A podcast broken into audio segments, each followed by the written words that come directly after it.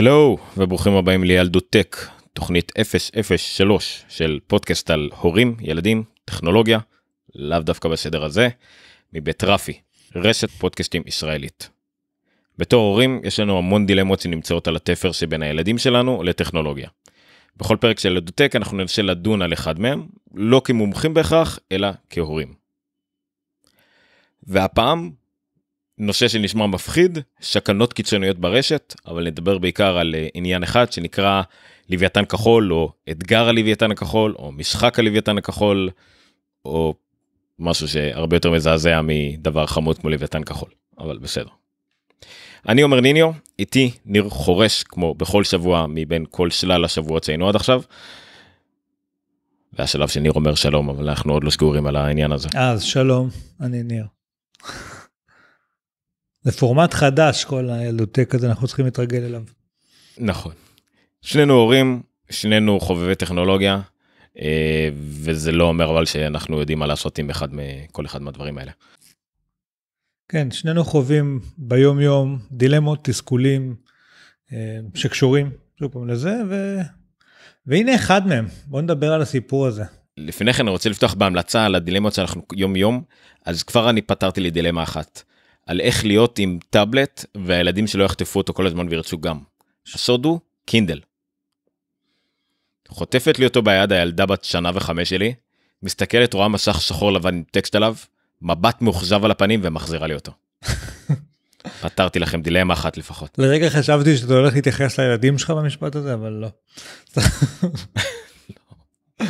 לא, היה לה, היה לה, לפחות היה לה מבט מאוכזב, היא ידעה בדיוק למה היא ציפתה, אני לא הצלחתי לספק לה את זה והיא הייתה מאוד מאוכזבת מעניין. אבל בסדר.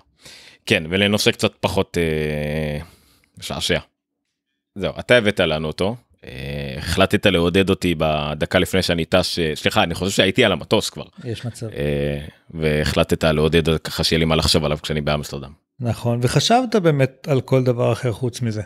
אני חושב שהכי קרוב שהגעת לזה זה היה ביקור בבית של אנה פרנק, אבל uh, נעזוב גם את זה. אז הלוויתן הכחול הוא בעצם משחק שנוצר על ידי בחור רוסי בן 21 בשם פיליפ, פיליפ בודייקין. Uh, כשהתיעוד הראשון של הפעילות שלו הייתה בשנת 2013, והוא נעצר לדעתי ב-2016, והובא למשפט עכשיו השנה ב-2017. אה, ומדובר במשחק של משימות שאותן צריך להשלים המשתתף ושנקבעות על ידי יוצר המשחק. רק שאת המשימות צריך לבצע בחיים האמיתיים ולא במחשב. עד כאן זה נשמע קצת כמו פוקימון גו. זהו, המשחק הועבר מפה לאוזן בקבוצות חברתיות מאורגנות. כמו קבוצות פייסבוק ודברים כאלה וואטסאפ לצורך העניין אבל זה בעיקר התחיל ברשת החברתית הרוסית אה, VK רשת סופר פופולרית זה הפייסבוק הרוסי לא תמצאו כמעט רוסי שלא מכיר את זה זה כמעט בא באותו זמן כמו פייסבוק גם אשתי אה, אה, גולשת שם הרבה מאוד יש שם הרבה ישראלים גם לצורך העניין ובקבוצות האלה האדמין לרוב היה היוצר המקורי אותו פיליפ או בא כוחו מישהו שהמשיך אותו. אה, ביצע למעשה מיון של שחקנים פוטנציאליים, זאת אומרת אנשים אה, שיתאימו למשחק הזה, ואותם הוא לקח לקבוצות אה, בהם משחקים. הקבוצות שבהם הם דאגו את כל השחקנים האלה התמקדו מראש בדיוק בדיונים על דיכאון, על ייאוש, התאבדויות, וכמובן שזה בעיקר בבני נוער, באנשים שחלשים מלכתחילה. ולמה הם היו צריכים את זה בעצם, את הקהל יעד הזה? כי, כי בפועל המשחק הוא אותן משימות שצריך לעשות בחיים האמיתיים, היו משימות שבעיקר, הם עברו בעצם שטיפת מוח המשתתפים או איזשהו אה, משחק פסיכולוגי כזה, ובעצם המשימות בעיקר ביקשו מהם לפגוע בעצמם. עכשיו זה התחיל בדברים יחסית קלים כמו אה, לקום לפנות בוקר כך שאתה תהיה אה, תמנע מעצמך שינה ותהיה במצב של חוסר שינה אה, או אחר כך זה הפך למשימות כמו לחתוך את עצמך עם סכין ולעשות איזושהי צורה אולי של לפעמים של הלוויתן ולפעמים של משהו אחר על היד. זה המשיך לדברים כמו לצפות בסרטי אימה. אה, ואחר כך לצפות בסרטי פורנו, אה, אבל לאורך הרבה שעות נגיד, ופורנו קשה. אה, דברים כמו לקחת כדורים, לגשת לארון התרופות, למצוא קופסה עם תרופות, לקחת משם בצורה רנדומלית, מקופסה רנדומלית כמה כדורים. זה, ממשיך להתנתק מהסביבה או מסגרות שאתה נמצא בהן, בית ספר, חברים, משפחה, לאט לאט לנתק קשרים, והמשימות הולכות ונהיות קיצוניות יותר ויותר. אבל המטרה האמיתית של כל המשימות האלה, אה, על פי שיחות שעשו עם אותו יוצר, עם אותו פיליפ, אה, זה שינון החוצה של כל החזקים וריכוז החלשים. הוא קרא להם הפסולת האנושית, לדבריו, ממש ככה. הקבוצות מצומצמות כולן אה, לקראת זה שבסוף יישארו רק היחידי סגולה שיעשו את המשיבה הסופית. עכשיו, איזה סוג משימות למשל יכולות לשנן החוצה? בעיקר כאלה שמעמידות את המשחק, את השחקן, על הקצה. היה שם למשל משימה לעלות לגג וממש לעמוד על קצה הגג ככה כמה שניות על רגל אחת. או לחתוך את הוורידים לאורך הוורידים כמו שצריך כדי להתאבד אבל לא עמוק מספיק. כל מיני משימות שממש הביאו את האנשים לסף. וכל המטרה היא שאנשים שיגיעו למשימה החמישים יהיו המועמדים האולטימטיביים למשימה הזאת שבעצם היא התאבדות. בדיוק. אחרי 50 ימים הם צריכים להתאבד ולא רק להתאבד אלא גם להראות את זה עד כמה שאפשר. אם זה לצלם את עצמם או אה, להודיע בכל הרשתות אם הולכים לעשות את זה בגלל אותו עניין של לוויתן להעלות תמונה של לוויתן וכדומה. אה, וכן כאמור כמו שאמרנו אולי אפילו שיצלמו את זה יש כבר ברשת אה, שרטונים שמראים לפחות 16 ניסיונות התאבדות. וארבע שהם נגמרו בוודאות במוות אני חושב שהיו שניים שקפצו אה, ואחת שקפצה מול רכבת קפצו מבניין ואחת שקפצה מול רכבת דברים כאלה הזויים לחלוטין. חוץ מזה יש מקרי התאבדות שהיו ברוסיה שלא תועדו בסרטונים או משהו כזה, אבל שלאחר מכן נמצא בפיד של אותו הנער או נערה שהתאבדו איזשהו קשר למשחק, או באמת שהפוסט האחרון היה לוויתן כחול, או, או איזשהו משהו שקשר את זה למשחק. עכשיו, כמה נערים בוודאות, כמה יקש, ישיר הקשר בין אותם מקרי התאבדות ל... למשחק עצמו קשה מאוד לדעת, כי כאמור, חלק מה, מהנערים כבר היו, אה, הסתובבו, היו בדיכאון והסתובבו בפורומים שדיברו על התאבדות, ולכן לא בהכרח המשחק עצמו היה גורם, אבל אה, באחת הכתבות שאנחנו ראינו באיזשהו עיתון רוסי, או שהפנו עליו, לכתבה הזו, מדברים ברוסיה על בערך 130 מקרי התאבדות, ברוסיה לבד, אה, שהיו בעקבות המשחק הזה. צריך לציין שזה היה משחק ברוסית, ולכן ברוסיה, כמובן שההשפעה שלו הייתה הרבה יותר חמורה. אה, אני ראיתי גם באנגליה נדמה לי איזה שהם ארבעה ובארצות הברית מדובר על כמה עוד בודדים זאת אומרת אה, אני לא יודע לומר אם הם היו דוברי רוסית גם במדינות האחרות או שפשוט היו גרסאות בשפות נוספות. צריך אה, להבין שבין המשחק בין ההוראות של המשחק המאוד מניפולטיביות היה בין היתר למחוק כל זכר אם זה לשיחות עם היוצר שבהם הוא מדבר איתם ואומר להם מה לעשות או שיחות סקייפ אם זה כל התיעודים שמשהו שמקשרים את זה היה פה מטרה מאוד ברורה גם להסתיר את כל הצעדים שהלכו לקראת זה. עם זאת פיליפ עצמו הוא כן מדבר על זה שיש 17 מקרי התאבדות שהוא לוקח עליהם אחריות או שהוא הוא, הוא אומר שהוא גרם להם. אה, הוא בפועל נשפט על 16 היו עוד 28 שכבר היו מוכנים להתאבד. אה, יש חקיינים זאת אומרת אה, שבעצם גם אחרי שעצרו את פיליפ שכביכול המשיכו להפעיל אנשים אחרים תחת אותו ברנד ניים או תחת אותו משחק או במשחקים מקבילים דומים אה, וממשיכים לעשות פעולות דומות. פיליפ אגב מתנגד להם, הוא, הוא אומר שהם לא, הם, הוא כאילו מתייחס לעצמו, זה חצי קדוש כזה, ולכן המניעים שלו הם כל כך עילאיים שאם מישהו אחר עושה אותם זה לא אותו דבר. לא, מעניין לציין שגם אה, אנונימוס התערבו בתופעה עם כמה סרטונים רשמיים את, אה, שלהם עד כמה שאפשר לדעת מה בדיוק שלהם מה לא. והם גם שמו לעצמם למטרה לצוד את כל הקבוצות האלה שמעודדות התאבדות להפיל אותן אה, לחשוף את המארגנים. ראיתי כמה סרטוני יוטיוב שלהם. הם גם טוענים שהם הצליחו לעשות את זה לכמה אלפי קבוצות. הם חשפו כל מיני כאלה אדמינים דמקולו שהם לא שוב הם לא כמו היוצר המקורי כביכול הם לא פיוריסטים. אז הם רק כאלה מין לא יודע אה, סדיסטים אפשר להגיד. אה, אז זה גם ההתערבות של אנינימוס נותנת לזה מין כמו חותמת אה, אמינות כאילו לעובדה שזה תופעה ויראלית מוכרת שצריך לטפל בה וגם אנונימוס הם כמובן מאוד צדקנים אז לפחות פה הם בצד הנכון של הצדקנות. בשורה התחתונה מדובר פה לדעתי במפגש של שני דברים. אחד, פשוט בריונות, בריונות קלאסית כמו שאנחנו מכירים מבית ספר עוד לפני שהיו מחשבים. אה, אה, היו לה צורות קצת אחרות, אבל גם אז היו כל מיני, תמיד יש את הבריונים ששכנעו את החלשים לעשות כל מיני דברים אה, לא טובים לעצמם, וניצלו את המצב הנפשי הפסיכולוגי הקשה שנמצא בו מישהו חלש יותר, תמיד הכי קל להיטפל לחלשים. אה, ואני חושב שזה, הדבר הזה נפגש עם אה, משהו שהוא בעצם, אה, יש את משחקים שמנצלים חולשות פסיכולוגיות שלנו, בני האדם, כשהדוגמה, אחת הדוגמאות הטובות לזה היא דווקא קנדי קראש, אוקיי? מה זה קנדי קראש? זה משחק שהוא ממכר בצורה יוצאת דופן, והוא פשוט משתמש בהתמכרות ובפסיכולוגיה הזו כדי לשכנע אנשים להוציא כסף, אוקיי? רק שפה, אה, השתמשו באותם פסיכולוגיות או באותם דברים אה, שמפעילים אותנו, כל מיני דן אריאלים כאלה, אה, כדי לגרום לאנשים לפגוע בעצמם. עכשיו, יש עוד דברים, עוד גורמים מסביב שללא ספק יכולו לתרום לכל המצב הזה, כמו מצב חברתי או כלכלי או משפחתי, לא, קשר לא טוב עם ההורים, או באמת ילדים שהיו במצוקה נפשית מסיבות אחרות לגמרי, וזה בסך הכל היה אה, איזשהו קאש. אה, ולכן כנראה אין פלא שהנפגעות העיקריות זה כל מיני אה, מדינות שבהן המצב קשה, ו, ו, ובעצם במדינות האלה באים לידי ביטוי כל המצבים האלה, כל הקשיים האלה.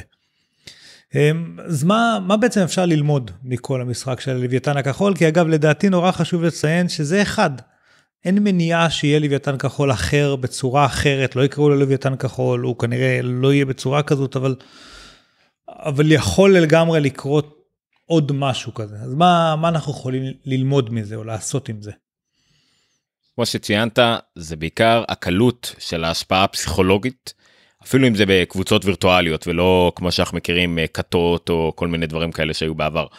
אה, דוגמה כמו קנדי קראש זה באמת דוגמה על איך אה, ניצול של אלמנט של התמכרות להישגים קטנים, מיקרו הישגים נקרא לזה, שגוררים מיקרו הוצאות.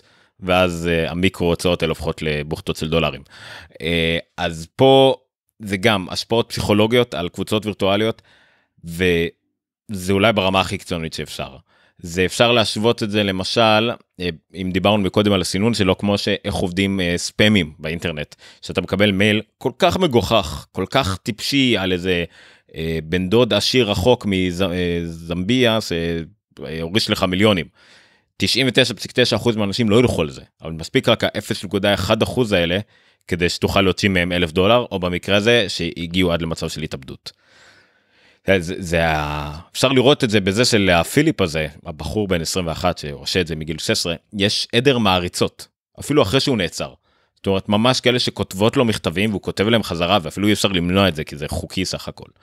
אה, וכבר מגיל 17 כאמור הייתה לו את המומחיות הפסיכולוגית לעשות מין סינון גאוני ואפשר להשתמש פה במילה גאוני כי יש פה מניפולציה גאונית סך הכל של פסיכולוגיה והוא בעצם הצליח לשנן את הטיפוס המושלם שיכול להיכנע למניפולציה רגשית חזקה כל כך. זה בדיוק כמו שהספיימרים רוצים או שקנדי קראש רוצה כן להבדיל. אה, וכל הקטע הזה זה בגלל שהוא עצמו היה בדיוק הקהל יעד למשחקים האלה. הוא גדל עם אמא חד הורית שאף פעם לא הייתה בבית בגלל מצב כלכלי ויצא לעבודה מוקדם בבוקר וחזרה בלילה רק כדי לתת לו אוכל.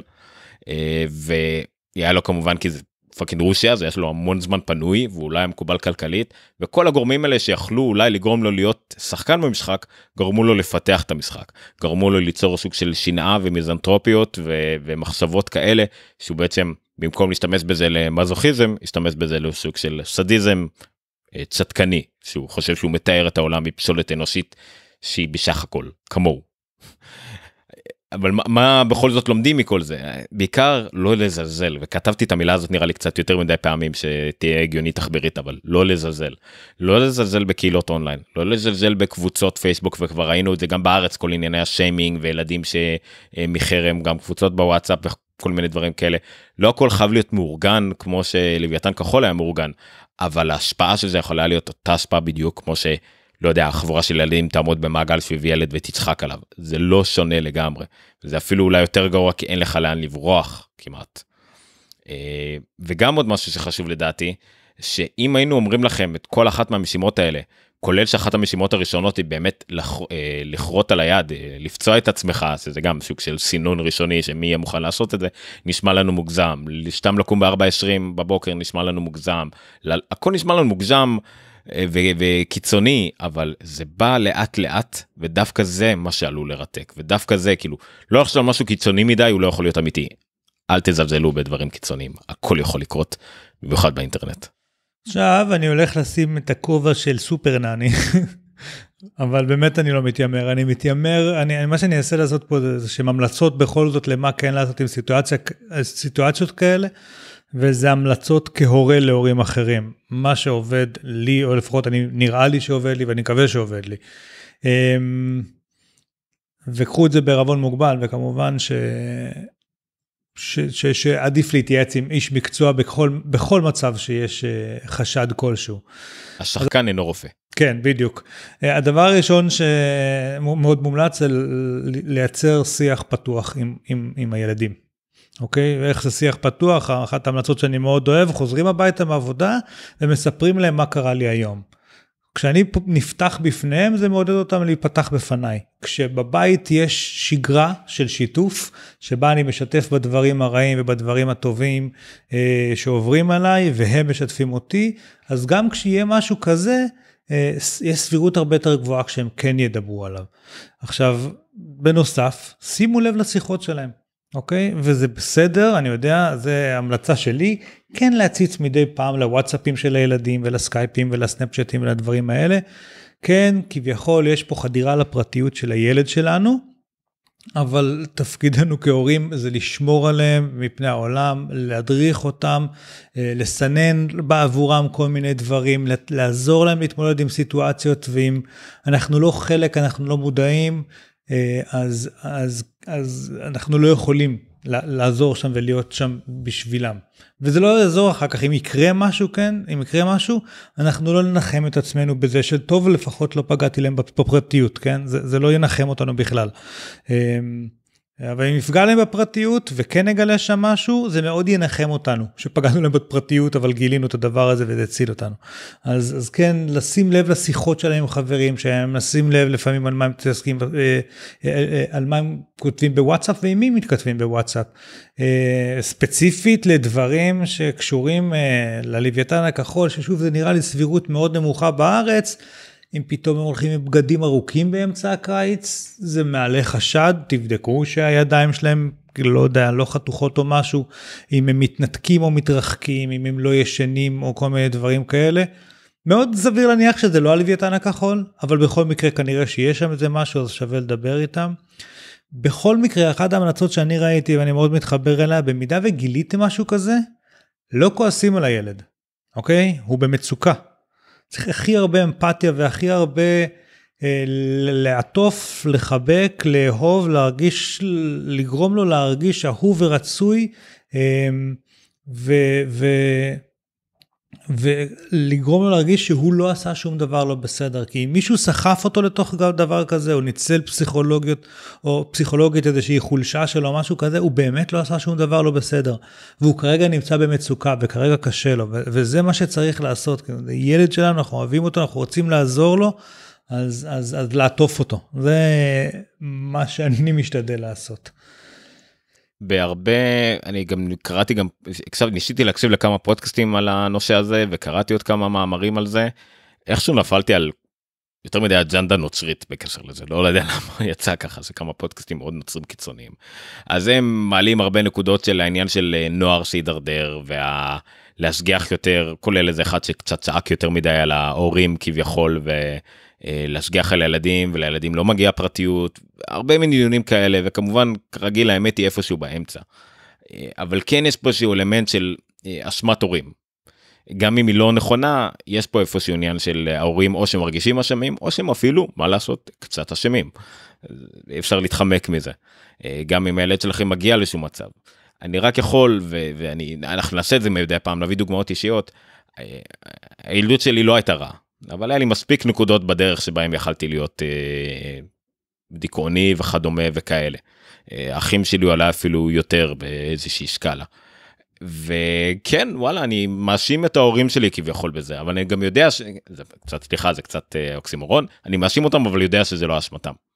כי זה הכל כי זה הכל עניין של סיטואציה. אין ספק שהיה שם איזושהי בעיה הורימית כלשהי אבל הייתה בעיה שלי בכל מקרה. ויצא שידעתי להתמודד עם איך זה בגלל כלים שההורים נתנו לי עוד לפני שהם גרמו כביכול במרכאות לאשמה הזאת. אוקיי אז לפני שהם התגרשו אמא שלי גידלה אותי מספיק טוב כדי לדעת איך אה, להבדיל בין טוב לרע ואחרי מי ללכת ואחרי מי לא ללכת. סתם כדוגמה. אז זה, זה בדיוק זה למצוא את האיזון הזה כי אתם לא יכולים לדעת מה יקרה אתם לא יכולים מה יוביל לזה שהילדים שהילדים שלכם כן יהיו בדיכאון לא משנה כמה טוב תגדלו אותם אני לא יודע יכול להיות שלמשל הבן שלי שהוא ילד נפלא אבל יכול להיות מאוד שהוא יגדל להיות חנון. סוג של תורשה כנראה. אז אני לא יודע איך זה יתקבל ספציפית בסביבה בה הוא יהיה בבית ספר ואיך הוא יקבל את זה ומה שזה לא יהיה אבל מה לעשות שככה גידלתי אותו אבל אני מקווה גם שגידלתי אותו עם מספיק כלים כדי שהוא ידע גם להתמודד עם זה מצד אחד וגם שידבר איתי על זה מצד שני שזה בדיוק כמו שאתה אמרת כל עוד נפתח את העניין הזה של uh, הקשבה וגם שיחה זאת אומרת ברגע שנדבר איתם הם ירצו לדבר איתנו. אנחנו אולי לא נוכל לטפל את הבעיה אנחנו לא פסיכולוגים אנחנו לא מחוללי ניסים לא תמיד אנחנו יכולים להשפיע בדיוק על על uh, גוף אנושי קטן שגדל לנו בבית ומתי שהוא מקבל עצמאות. אבל כן אנחנו אולי נוכל רק לדעת את הדברים האלה בזמן ונוכל לעזור להם עם הכלים שלהם. אני לא מאמין בעובדה שאתה יכול לשנות את הילד, אתה יכול לעזור לו להשתנות. נכון, עכשיו כמה המלצות שאתם יכולים כן להמליץ לילדים זה קודם כל ללמד אותם להגיד לא. לא זה אחד הדברים הכי חשובים בחיים יש הרבה ילדים שמאוד לא נעים להם להגיד לא בעיקר זה אם זה מול איזושהי דמות שמצטיירת ביניהם כאיזושהי דמות סמכותית או דמות שהם לא רוצים לפגוע בה אבל הם צריכים לדעת שכשהם מגיעים למצב שהוא לא טוב להם והוא לא נוח להם הם מרגישים רע אז הם צריכים לדעת להגיד לא וזה משהו שצריך אה, ללמד אותו. אחת הדרכים ללמד את זה, זה אם יש ילד מהחברים שלהם שהוא יודע להגיד לו, שיבלו איתו יותר. זה משהו שהוא, כמו הרבה דברים אצל ילדים, הם לומדים הרבה דברים מהסביבה שלהם, וזה נרכש קצת הדברים האלה. אמ, שינסו לא לשפוט בהכרח את הצד השני, אבל אם מישהו רוצה שהם יכבדו את הבחירות שלו, של, אז, הם, אז הוא צריך לכבד את הבחירות שלהם, צריך להיות פה איזושהי הוגנות. ולכן אם הם מרגישים לא בנוח והם אומרים את אותו לא, והבן אדם השני מגיב לא טוב, אז הוא לא מכבד את הבחירות שלהם, ולכן אין שום סיבה שהם יכבדו את הבחירות שלו. אני יודע שלמבוגרים זה נשמע קצת מוזר או תמים המשפט הזה, אבל אצל ילדים זה די עובד, כאילו... הם, זה כל מיני דברים שמלמדים אותם לא על איזה אזור שלי של הפרטיות שלי ודברים כאלה מלמדים אותם בצורה כזו תמימה אבל אבל ככה הם מבינים את זה הרבה פעמים, אז אה, אם מישהו רוצה שהם יכבדו אותו, הוא צריך לכבד אותם, ואם הוא לא מכבד אותם, אין שום סיבה שהם יכבדו אותו וכן הלאה. אה, אל, אלה הדברים העיקריים, אבל שוב, אני חושב שהערוץ, הדבר החשוב יותר זה פתיחת הערוץ תקשורת כמה שיותר אה, משתף עם הילדים, תשתפו אותם באמת במה שמפריע לכם ומה שמטריד אתכם. אה, אתם תגידו לא, אבל הם לא מבינים את מה שקורה לי בעבודה, תתפלאו. כאילו, א', תשתפו אותם, אם הם רוצים להקשיב סבבה, ואם זה מעניין אותם אולי הם ילמדו דרך זה, והם ישאלו שאלות שאני מבטיח לכם שאתם לא צופים את השאלה שהולכת להגיע מהם דווקא בגלל הזווית השונה שלהם. אה, וזהו, אגב, אנקדוטה קטנה ולגמרי מהצד לגבי מה שאמרת על להאשים את ההורים, אני מאוד מאוד ממליץ לכולם לראות את הקטע של לואי סי קיי נדמה לי על, אה, על עקב אכילס. אתה מכיר את זה? שאימא של אכילס טבלה אותו בזה ורק העקב היה בחוץ? לא. אה, אז לכו תראו את זה. אה, אני חושב שזהו, אני חושב שסיימנו, לא? האנקדוטה שלי יש להוסיף זה למה קוראים לזה לוויתן כחול. אה דווקא קראתי על זה משהו אבל שכחתי. אני קראתי שני דברים שונים. אחד שזה בגלל איזה שיר רוסי דיכאוני נכון ו... נכון זה מה שקראתי ותמיד ותמיד שירים רוסיים כשמתרגמים אותם אנגלית לא יודע מכל שפה אחרת אין בהם שום כאילו היגיון מוזיקלי של של אה, בתים ולא יודע לא הצלחתי להבין את זה אף פעם. אה, ומשהו אחר שאומרים שאני בדיוק מחפש בוויקיפדיה אם זה בכלל אפשרי לא יודע שלוויתים כחולים כשהם עומדים למות הם הם בעצם מתאבדים. כשהם יודעים שהם עומדים למות הם מתאבדים הם עולים ל... ליבשה ונחנקים. אבל אני לא מוצא לזה איזושהי הוכחה שבאמת ככה זה עובד. מה גם שנראה לי רוב התמותה של לוויתנים כחולים זה אנשים אה, לבנים. אם אתה מוצא לזה הוכחה, אז uh, יש לך פוסט לעובדות לא חשובות. יפה. כן, זה מזמן זה הפך להיות לעובדות מאוד חשובות שאנחנו נהפוך, נהפוך, נהפוך אותם לפוסט טיפשי שאנשים יגידו וואי לא ידעתי בתגובות. כן אבל זה זה כבר ביקורת אחרת לגמרי. נכון. אבל בסדר. אוקיי אה, אז זה היה ילדותק 003 אנחנו מקווים שעזרנו לכם. אנחנו בהחלט עזרנו לעצמנו כי בוא נודה באמת זה המטרה היחידה למה אנחנו עושים פודקאסטים זה שיהיה לנו הזדמנות לדבר על דברים שמעניינים אותנו בלי שאף אחד ישפוט אותנו כשאנחנו כן, זה גם מאלץ אותנו רגע להתעמק טיפה, לחקור, לקרוא את הכתבות, להבין קצת מה קורה שם, אז גם אנחנו משכילים מזה. בדיוק וכאמור זה קצת יותר הגיוני מלעמוד מול המראה ולדבר לעצמך. אז זהו אז את ילדותק אתם יכולים למצוא ברפי. רפי נקודה מדיה רשת פודקאסטים ישראלית עם אה, לא מעט פודקאסטים מאוד מעניינים. אה, יש שם גם את הנונקאסט שיחזור עוד מעט בפורמט אה, מגזיני את כמה גרוע זה יכול להיות זה סוקר סרטים גרועים. מסך של קשב תוכנית חדשה שסוקרת אה, בעיקר חדשות הנוגעות לכלכלה ולמאחורי הקלעים של עולם הקולנוע והטלוויזיה. אה, קומיוניקאסט תוכנית אה, חדשה אצלנו אבל קצת ותיקה של אה, טליה תורג'מן על קהילות קהילות ברשת על אה, מה זה אומר היא מדברת שם רעיונות מאוד מרתקים מכל מיני אנשים מהתעשייה שמנהלי קהילות בהייטק וגם דרך אגב, אחרים. מעניין, גם עבורה יכול להיות מה שדיברנו עכשיו. יכול להיות מאוד זה גם סוג של קהילות אונליין אמנם מהמם. לא ברמה. של של אה, עסקי אבל כן בהחלט. אה, וזהו יש לנו עוד המון אה, תוכניות בדרך המון תוכניות שאנחנו מצפים תוכניות בארכיון פרשי השבוע שסוקרים את פרשת השבוע כל שבוע עם מוזיקה וקצת דברים מעניינים. תוכנית שירדה אבל עד כמה שאני הבנתי פרשות השבוע לא השתנו אז אפשר לחזור אליה. וזהו. עד כאן לשבוע ילדותק אתם אה, כאמור רפי נקודה מדיה חפשו את רפי רשת פודקאסטים ישראלית בפייסבוק אה, אני משער שאנחנו היחידים שנתנו שם כזה ארוך אה, וצברי ושם תמצאו מידע על תוכניות חדשות שעולות על פרקים חדשים וכולי.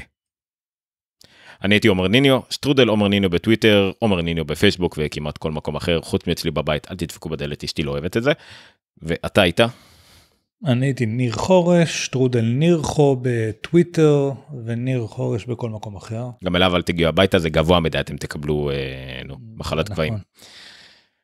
וזהו עד כאן תודה רבה שהייתם איתנו אה, נשמח לשמוע מכם אתם יכולים גם אה, לכתוב אלינו בפייסבוק לאתר של רפי כרגע תמצא עריץ אה, ערוץ מידע יותר מעניין עם עוד אה, נושאים שמעניינים אתכם לתוכניות הבאות זה ילדים הורים לא חשרים נושים נשמח לשמוע על מה אתם רוצים לשמוע. ועד כאן לילה טוב בוקר טוב או מתי שזה לא יהיה כשהקשרתם לזה.